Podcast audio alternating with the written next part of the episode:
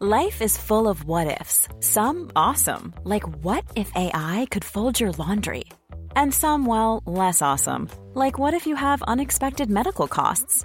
United Healthcare can help get you covered with Health Protector Guard fixed indemnity insurance plans. They supplement your primary plan to help you manage out of pocket costs. No deductibles, no enrollment periods, and especially no more what ifs. Visit uh1.com to find the Health Protector Guard plan for you. Hiring for your small business? If you're not looking for professionals on LinkedIn, you're looking in the wrong place. That's like looking for your car keys in a fish tank.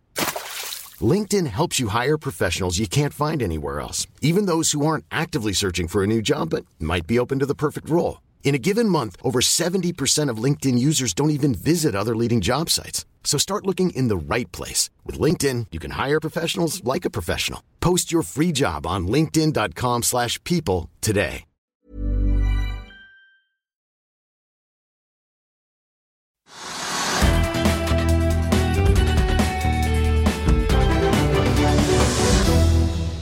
Riktig god ettermiddag alle sammen, og velkommen til Økonominyhetene i det kalenderen viser tirsdag 14. mars. Vi følger selvfølgelig med på markedene og uroen i kjølvannet av de største bankkollapsene altså siden finanskrisen, og har også de ferske inflasjonstallene fra USA klare til deg i en sending som også vil preges av oljen, for hvis du trodde Equinor tok kaken med en skattesjekk på over 450 milliarder kroner til den norske staten i fjor, så tar du feil. Vi har snakket med hun som sendte en enda større sjekk i posten til finansminister Trygve Slagsvold Vedum, Petoro-sjef Kristin Kragseth er straks eh, med oss. Men la, titt, la, oss ta en titt på eh, si, tallrekken, som ikke overraskende preger markedet nå på ettermiddagen.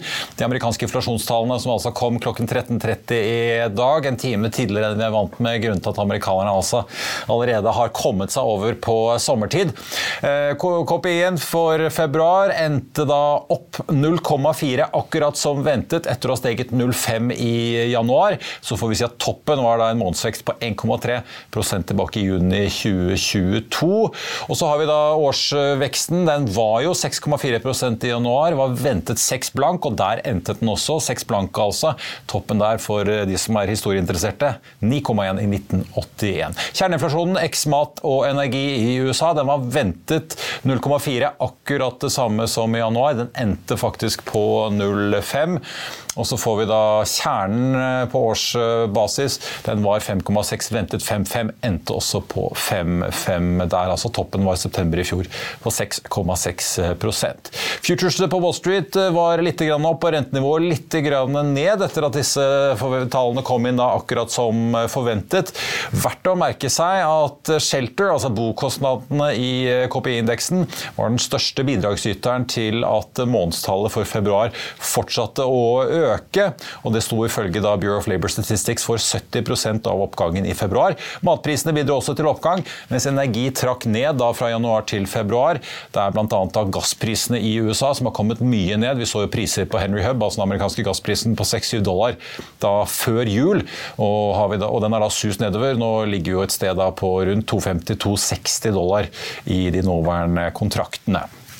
Ellers så får vi jo ta med at Det ser ut til at Wall Street starter opp ganske pent i dag. 0,85 nå på Dow Jones. Nasdaq Composite opp hele til 1,6% Det var en oppgang på Nasdaq i går eh, også, til tross for at de to andre indeksene falt, og til tross for uroen, som en god del tolket som at i og med at det da kanskje blir litt mindre renteøkninger enn det man har trodd, så blir det litt lettere tider for teknologi- og vekstaksjene fremover. Vi får se hvor det lander hen etter hvert. SMP 500 starter opp 1,4 så er det jo da disse finans- og bankaksjene som vi også følger med på. Charles Schwab, som mange følger med på i kjølvannet av kollapsen av Silicon Valley Bank og Signature Bank, endte da ned 11,6 i går. Aksjen ble jo pauset eh, litt for det store finanskonsernet da den begynte å nærme seg et fall på 20 det, Men da med fallet i går på 11,6 så har vi da tre dager med fall for Charles Schwab på mellom 11 og 12% av alle dagene.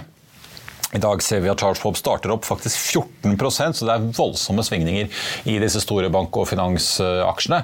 First Republic, denne banken i California, hvor også folk begynte å stille seg opp i kø for å ta ut penger da Silicon Valley Bank eh, slet, den var jo ned 16,5% torsdag, 14,8 på fredag, 61,8% til i går. Steg kraftig i førhandelen og er faktisk opp hele 51,4% nå i de første minuttene i handelen på New York Person. Så skal vi selvfølgelig følge følge med litt utover sendingen hvordan utviklingen der eh, går. Ellers på, Futures, på Wall Street altså, så ser det ut til at vi får en ganske jevn oppgang jevnt over. Vi ser også Vixen, altså den hva skal vi si, fryktindeksen, faller ned en 10, nesten 10% til 23,94. Foreløpig får vi si langt under nivåene vi så under finanskrisen fortsatt. Her hjemme så har hovedindeksen snudd etter det kraftige fallet i går på 2,59% Vi ligger nå opp en rundt 1,2% til litt over 1200 poeng igjen. Også i stort sett grønt jevnt over eh, rundt på kontinentet i Europa. Det som eh, derimot er litt surere, er oljeprisen, som fortsetter nedover i dag etter ganske solide fall i går. I dag er nordsjøoljen ned litt over 2% i spotmarkedet Nå ligger og vipper rundt 79 dollar eh, fatet. Vi må da tilbake til starten av februar for å se, før vi kan finne priser under 80 dollar. Den amerikanske lettoljen ligger nå også ned omtrent drøye 2% til 70 83 dollar fatet omtrent. Hvis vi ser på de store bankaksjene her hjemme, så har de fått en liten rekyl i dag etter motstanden de fikk i går. Vi kan jo begynne med den største av de største, DNB. Ligger opp et par prosent i dag, henter seg dermed inn litt igjen. Storebrand opp 0,7, Pareto Bank opp 2,2, mens altså Sparebank NSR Bank opp 1,5% Og så får vi også bare ta med bankindeksen, eller finansindeksen som vi kan kalle den på OBX, opp 1,4% i dag. Det skjer også ting i eh, si, industrien og eh, leverandørindustrien, i hvert fall til bilbransjen. Kongsberg Automotive ute med tall. De økte driftsresultatet sitt til 11 millioner euro i fjerde kvartal 2022. Samtidig så kunngjør de i dag at styret i selskapet har besluttet en strategisk gjennomgang av hele selskapet. Det kan jo potensielt kanskje føre til en exit for hele Kongsberg Automotive fra Oslo Børs og et salg av selskapet. Det får jo tiden vise. Aksjen uansett mye ned i dag, rundt 10 til eh, rett under 3 kroner aksjen ligger på 2,74 akkurat nå. Og så har vi jo da biotekselskapet Softox som eh, utsetter og utsetter presentasjonen av tallene sine. De har sendt ut en presentasjon i dag, riktignok, men selskapet er jo da i en likviditetskrise og ønsker da, ifølge en melding som kom i går kveld, å hente da rundt 40 millioner kroner i finansiering som skal få dem i hvert fall et halvt år frem i tid, i påvente av at de får inn de ventede midlene fra det europeiske forsvarsfondet. Selskapet sier at de også vil invitere eksisterende investorer med på denne emisjonen. Aksjen ned en nesten 40 i dag, til litt over 8 kroner aksjen. Ellers så har vi også fulgt med på et par andre hvor det skjer saker og ting. Archer, oljeserviceselskapet det Jon Fredriksen er storaksjonær, kjørte jo i gang en emisjon eh, med en saftig rabatt eh, på da, eller altså emisjonskursen ble satt til en krone aksjen, ned fra da fem kroner som aksjen handlet på dagen før emisjonen eh, Eller eh, det aksjen stengte på, får vi si, før emisjonen ble annonsert. I dag har aksjen svingt faktisk under en krone for første gang siden annonseringen, men ligger nå så vidt over kronen, ned da drøye 11 i dag. Og Så er det jo da alle seismikkselskapet får vi si PGS, som jo har varslet at de er ute i markedet for å møte investorer for å se om de klarer å da få på plass et obligasjonslån på rundt 450 millioner eh, dollar, som skal refinansiere et annet lån på 600 som forfaller neste år. Den aksjen har jo vært mye ned. Nå har den snudd litt, opp 1,2 men en voldsom hvert fall, handel i aksjen, for den ligger nå på fjerde mest omsatt bak Equinor, Aker BP. Og DNB har ligget litt høyere på listen tidligere i dag. Vil du bli oppdatert på det viktigste som har skjedd innen finans og næringsliv? Da er det bare å følge med, for hver morgen er jeg, Marius Lorentzen og aksjekommentator Karl Johan Malnes på plass i studio for å ta tempen på dagens marked i Børsmorgen. Og hver ettermiddag oppsummerer vi alt du trenger å vite i økonominyhetene, og det blir selvfølgelig masse interessante gjester. Klikk deg inn på fa.no-tv, eller søk opp Børsmorgen og Økonominyhetene der du hører på podkast.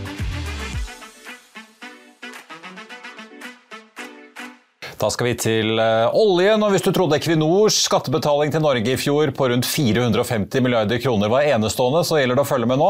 For statens eget oljeselskap Petoro overførte intet mindre enn 528 milliarder kroner til staten i fjor, opp 342 milliarder fra året før.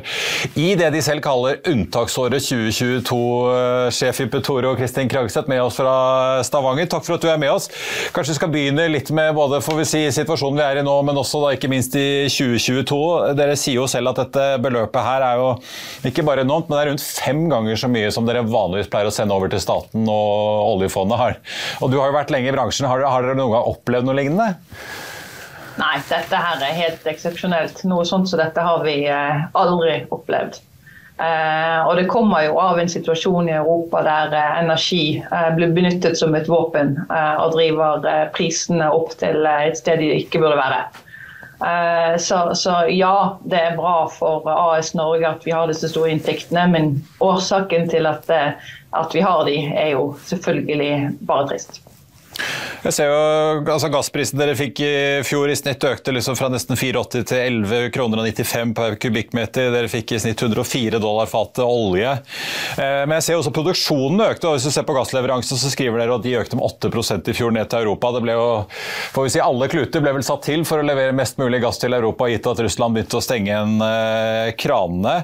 Nå skal jo Europa virkelig da i år klare seg uten Russland, for det kom jo faktisk en god del leveranser da i fjor, før det var stopp. Eh, hvordan ser 2023 ut fra deres eh, ståsted? Klarer Norge å holde dette tempoet oppe? Ja, vi tror at eh, også i 2023 skal vi klare å holde produksjonen eh, relativt eh, lik som det den var i 2022. Jeg vil bare gjerne understreke litt før jeg går videre, og det er at, at dette kommer jo ikke av seg sjøl. ja, Gassprisene var veldig høye, men produksjonen var òg veldig høy. og Det kommer jo som et resultat av eh, årevis med bra arbeid av alle de som jobber innenfor norsk olje og gass. da. Eh, vi hadde også de beste sikkerhetsresultatene i 2022. Noe som er helt fundamentalt hvis vi skal klare å opprettholde en robust produksjon. Så det er liksom sånn, Ja, gassprisene var høye, men vi har selv satt oss i stand til å, til å, å, å se resultater når vi har denne situasjonen. Ja, for litt Apropos det, da. Din, eh, din, forgjenger var ikke redd for å gå ut og heve pekefingeren eh, hvis Petoro mente at eh, arbeid enten med vedlikehold eller sikkerhet ikke var høyt nok i fokus i næringen. Nå når prisene har vært så voldsomt høye, presset fra politisk hold sannsynligvis ikke bare i Berlin, men også Brussel for at Norge skal levere mest mulig hele tiden, vil jeg tro er veldig høyt. Ser dere noe tegn til at det går på bekostning av enten vedlikehold og ta vare på feltene våre på sikt, eller på sikkerhetsarbeidet? Nei, det ser vi ikke. Og jeg har jo jobbet i næringen i 30 år og stort sett inn på drift. Eh, og det er helt klokkeklart at eh, trygg og sikker drift det skal ligge i bunnen. Og det er da vi ser de langsiktige resultatene. Men en ting som vi kan si er at, eh, at hvis du ser på framskrivningene fra Oljedirektoratet om hvordan produksjonen blir fremover, som jeg også tenker er viktig at vi må fortsette å levere høyt, så ser vi jo det at hvis ikke vi er på hugget, så vil produksjonen i Norge halveres på tidlig 2030-tallet.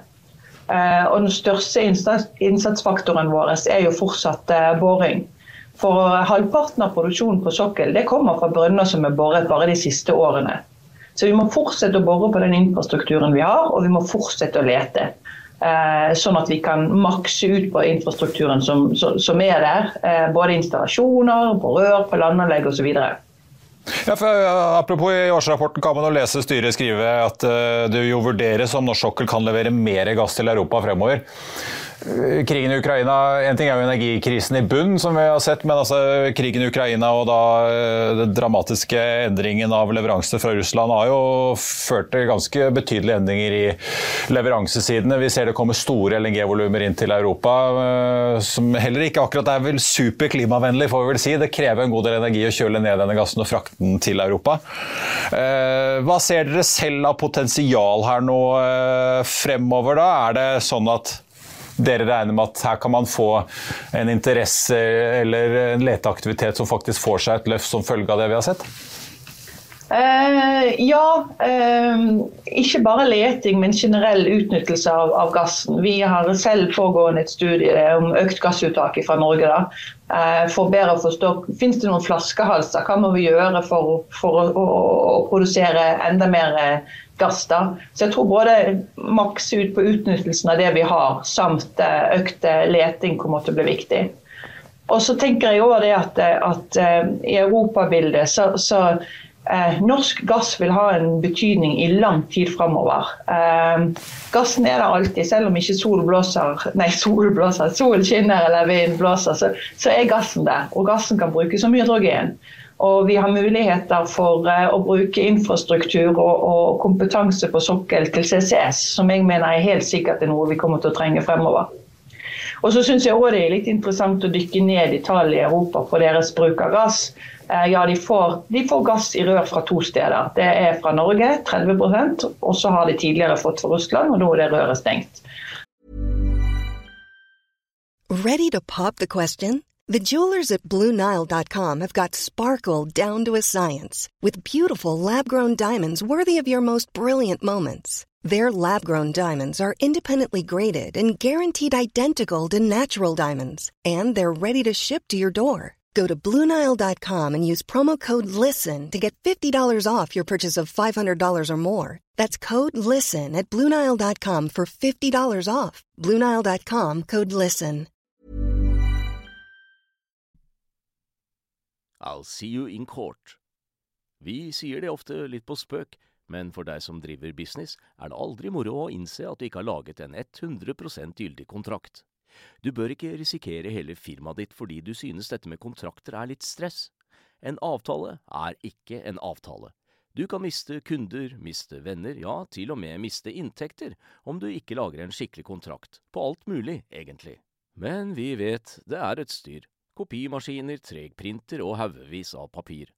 Dessuten stoler vi jo på folk her i landet. Det er ofte litt kleint å skulle be om en signatur for alt mulig, ja, for mye av styret handler også om jakten på underskriften. Det finnes en enkel måte å løse dette på, Dukkobit, en trygg, effektiv og get this, gratis måte å sikre seg en god natts søvn pluss en juridisk bindende avtale. Dukkobit-appen har de strengeste sikkerhetskrav i bunn, samt en EU-godkjent og sertifisert teknologi. Framover vil det bli behagelig å spørre du, skal vi skrive under på det, eller? Kom i gang på dokobit.no.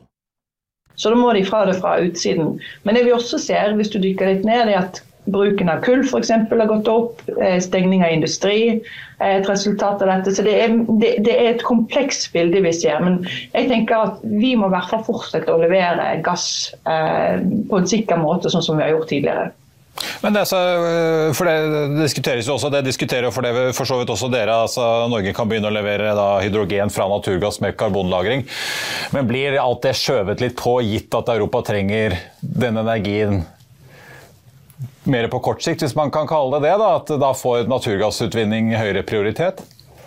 Jeg tror eh, omstillingen tar den tiden omstillingen tar. Eh, og Hvis du ser historisk på det, hvis du drar på et hundreårsperspektiv og ser hvordan vi har skiftet fra biomasse gjennom kull, olje og gass og nå fornybar, så kommer dette til å ta tid. Og jeg tror norsk gass har en plass i denne løsningen, ikke som om det hadde skjedd sånn eller sånn. Eh, så, så, så, det er vel gjerne noe med den der Jeg er ingeniør og eh, Omstilling tar tid, oppskalering kommer til å ta tid. Og i det bildet der er norsk gass jeg er overbevist om at det er behov for det. Kristin, jeg må høre litt om uh, prosjektporteføljen, apropos uh, utviklingen uh, videre og deres rolle da, som vårt alles oljeselskap. og hva dere nå tenker om utviklingen i næringen videre. Det diskuteres jo mye rundt om kostnadene nå begynner å øke ganske kraftig. Vi ser i hvert fall en god del oljeselskap i verden rundt snakker om det, for så vidt både på norsk sokkel og internasjonalt. det har vært to prosjekter dere har vært involvert i, både Wisting og Lindheim, som ikke ble sanksjonert nå i forbindelse med oljeskattepakken. men i hvert fall er satt på vent. Om eh, ikke annet, hvordan ser dere på en måte på lønnsomhet og kostnadsutviklingen i årene fremover? Jeg tror du peker på noe veldig essensielt der. Det må vi passe på. Lønnsspiraler og kostnader i leverandørkjeder osv. Eh, vi har vært der før. Eh, forhåpentligvis har vi tatt litt læring. da. Og For oss så planlegger vi prosjektene på, basert på at vi skal klare oss gjennom gode og ikke fullt så gode dager. Så vi vil i hvert fall ha fokus på lønnsomhet i alle prosjektene som vi anbefaler skal, skal gå videre. Og vi har tro både på Lindholm og Wisting, men vi må jobbe litt mer. Ja, for det, Ofte så krever jo selskapene på norsk sokkel at prosjektene i hvert fall må ha en balansepris ned på 30-35 dollar før noe får grønt lys. Ser dere noe tegn til at noen aktører begynner å fire på de kravene i jakten etter å produsere mer? Nei, det har ikke vi sett. Og hadde vi sett det, så hadde vi eh, Hvis noen begynte å fire på eh, Hvis noen begynte å gjøre lure ting, så eh, hadde ikke vi villet tatt med på det. Til slutt, eh, Tør du å komme med en spådom hvor mange milliarder du skal sende til statskassen i løpet av året i år? da?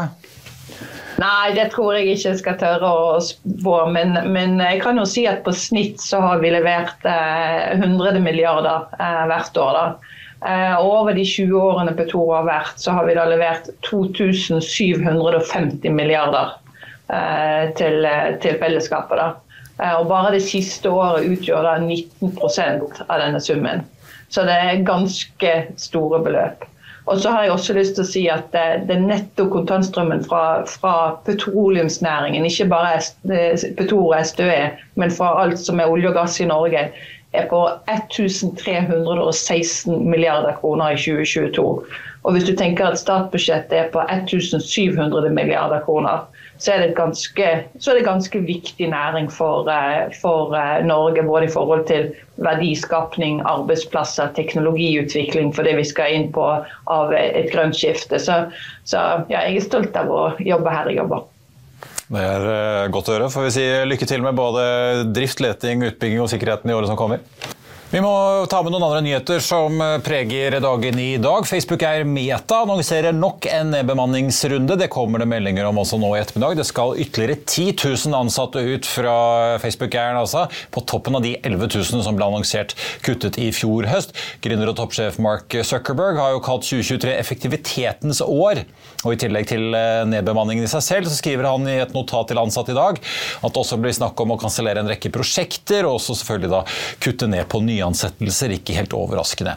Novo Nordisk kommer ut og varsler priskutt på diabetesmedisinene i dag. Konkurrenten Eli Lilly annonserte jo tidligere i år kutt på inntil 70% på mange av sine reseptbelagte diabetesmedisiner, samt et tak på egenandelen hos pasientene som bruker deres medisiner. Nå melder Wall Street Journal at danske Novo Nordisk altså kutter flere av sine insulinprodukter med inntil 75 da i pris. Det skal kuttes både på Novolog og Novolin-produktene, samt da en del av insulinen som ikke går under de merkevarene, skriver avisen. Insulin er jo big business, får vi si, ikke bare for Novo Nordisk, men også de andre store konkurrentene som Sanofi og Eli Lilly. Wall Street Journal peker på at bransjen har økt prisene mye utover 2010-tallet, særlig i USA, men også globalt. Regjeringen her hjemme annonserte i dag at Forsvaret skal kjøpe inn seks amerikanske Seahawk-helikoptre til Kystvakten, som da skal erstatte NH90-helikoptrene som ble satt på bakken i fjor, og som jo som kjent har hatt mange problemer. Leveransen av de amerikanske helikoptrene skal starte i 2025 og være ferdig i 2027. Prislappen er ifølge Forsvarsdepartementet om lag 12 milliarder kroner. Og til de som følger med på luftfarten, Alaska Airlines er ute med en litt interessant nyhet i dag. De er ute og kutter i guidingen sin for første kvartal og melder nå at de forventer lavere marginer rett og slett pga. høye drivstoffkostnader. I tillegg så får vi si en liten nyhet for de som pendler eh, inn og ut av Oslo mot eh, Østfold-siden. Bane NOR-sjef Gård Frislund går av, har det kommet frem i dag i en melding fra det statlige selskapet. Hvis du gikk glipp av Børsmorgen i morges, så tenkte jeg å vise to klipp som har vært å få med seg. Vi hadde besøk av sjefen i inkassoselskapet Aksaktor, eh, Jonny Solis. Og vi spurte bl.a. om eh, hva de nå ser skje på bakken i norsk økonomi når rentepresset øker på norske husholdninger. Bare se her. Men litt sånn, i og med at dere har fingeren på pulsen litt, da, hvor er det dere eventuelt ser at det er eh, mye oppgang i mislighold? Hvis du ser på liksom kategorimessig, da er det liksom kredittkort, forbrukslån, billån, båtlån? Ja. Er, er, det noen sektorer dere, eller noen trender dere ser? Ja, det Vi ser f.eks. det med billån, det er, og det er det som som regel kommer først. Det er det, og det er antageligvis fordi det er kanskje en viss type luksus over det. så Personer som har leaset biler, det, det, noe av det første vi ser, er at de slutter å betale leasingen, og så må man inn og hente inn biler. Så det vi ser at mislighold på billån, det er ganske kraftig opp. Ja. I Norge eller Europa generelt? Ja, I Norge. Ja. Det er det, jeg, det jeg refererer til nå. Men jeg vil anta at det nok det er, det er ganske likt land for land. Det er jo kanskje den sterkeste trenden som vi ser akkurat nå. Men igjen så må jeg si at vi kommer fra veldig lave mislighold gjennom pandemien. Så fremdeles selv om det er en økning og kraftig økning, så er vi fremdeles ikke på 2019-nivå.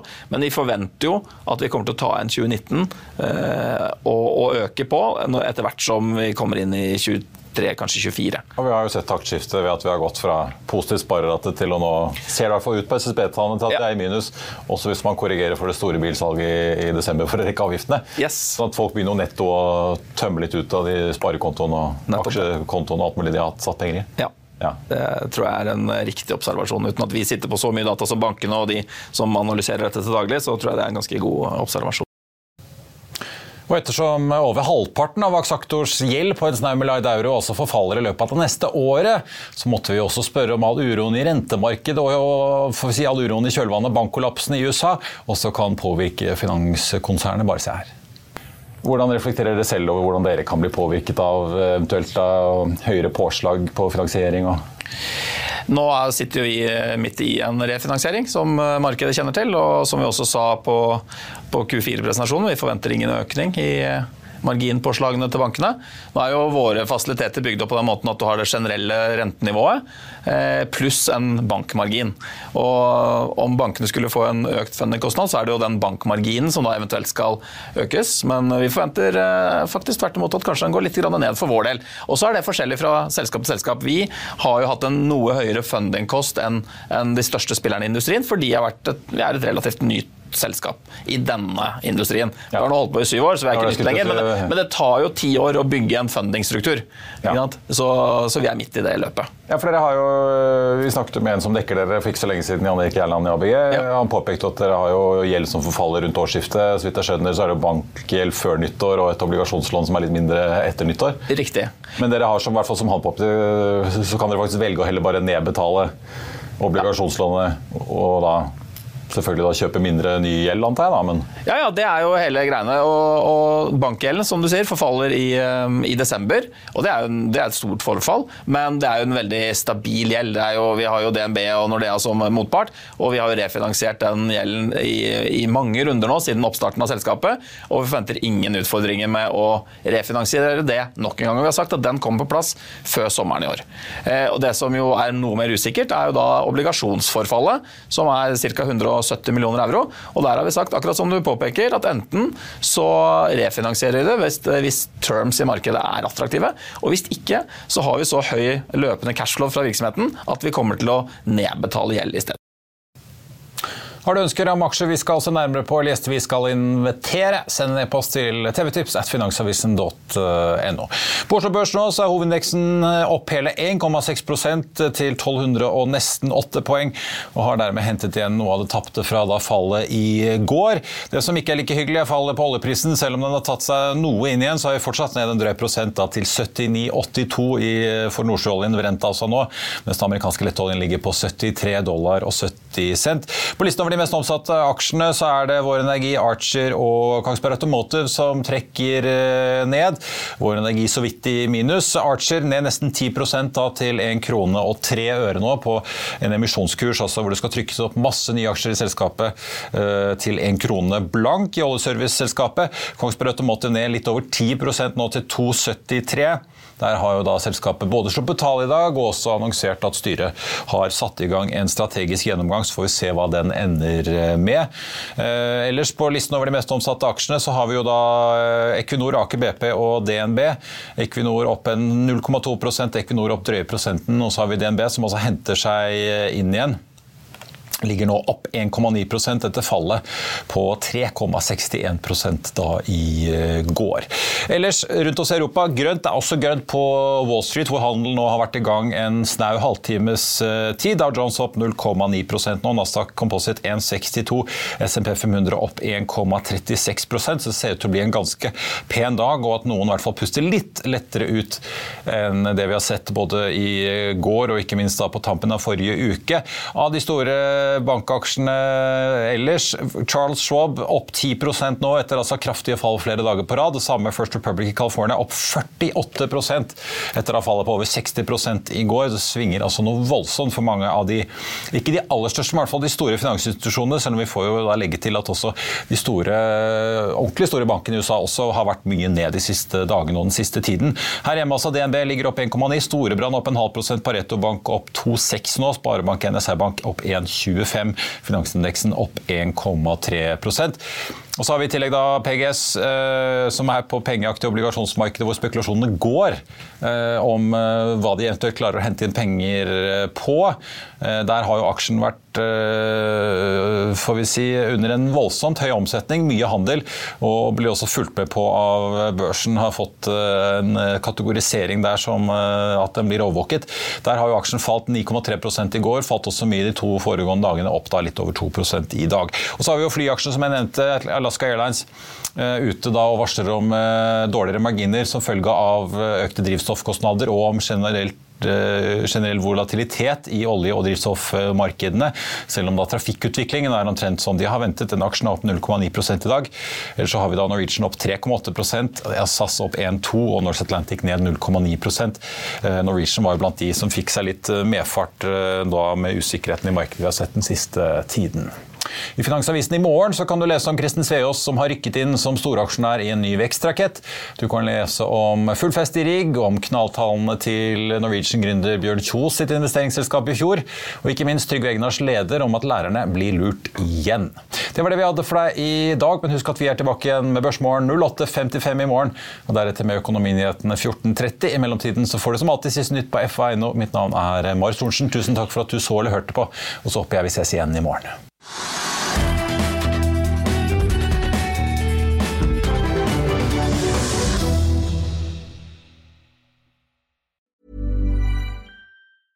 Imagine the softest sheets you've ever felt. Now imagine them getting even softer over time. That's what you'll feel with Bowl and Branch's organic cotton sheets. In a recent customer survey, 96% replied that Bowl and Branch sheets get softer with every wash. Start getting your best night's sleep in these sheets that get softer and softer for years to come. Try their sheets with a 30-night guarantee. Plus, get 15% off your first order at bowlandbranch.com. Code BUTTERY. Exclusions apply. See site for details. Even when we're on a budget, we still deserve nice things.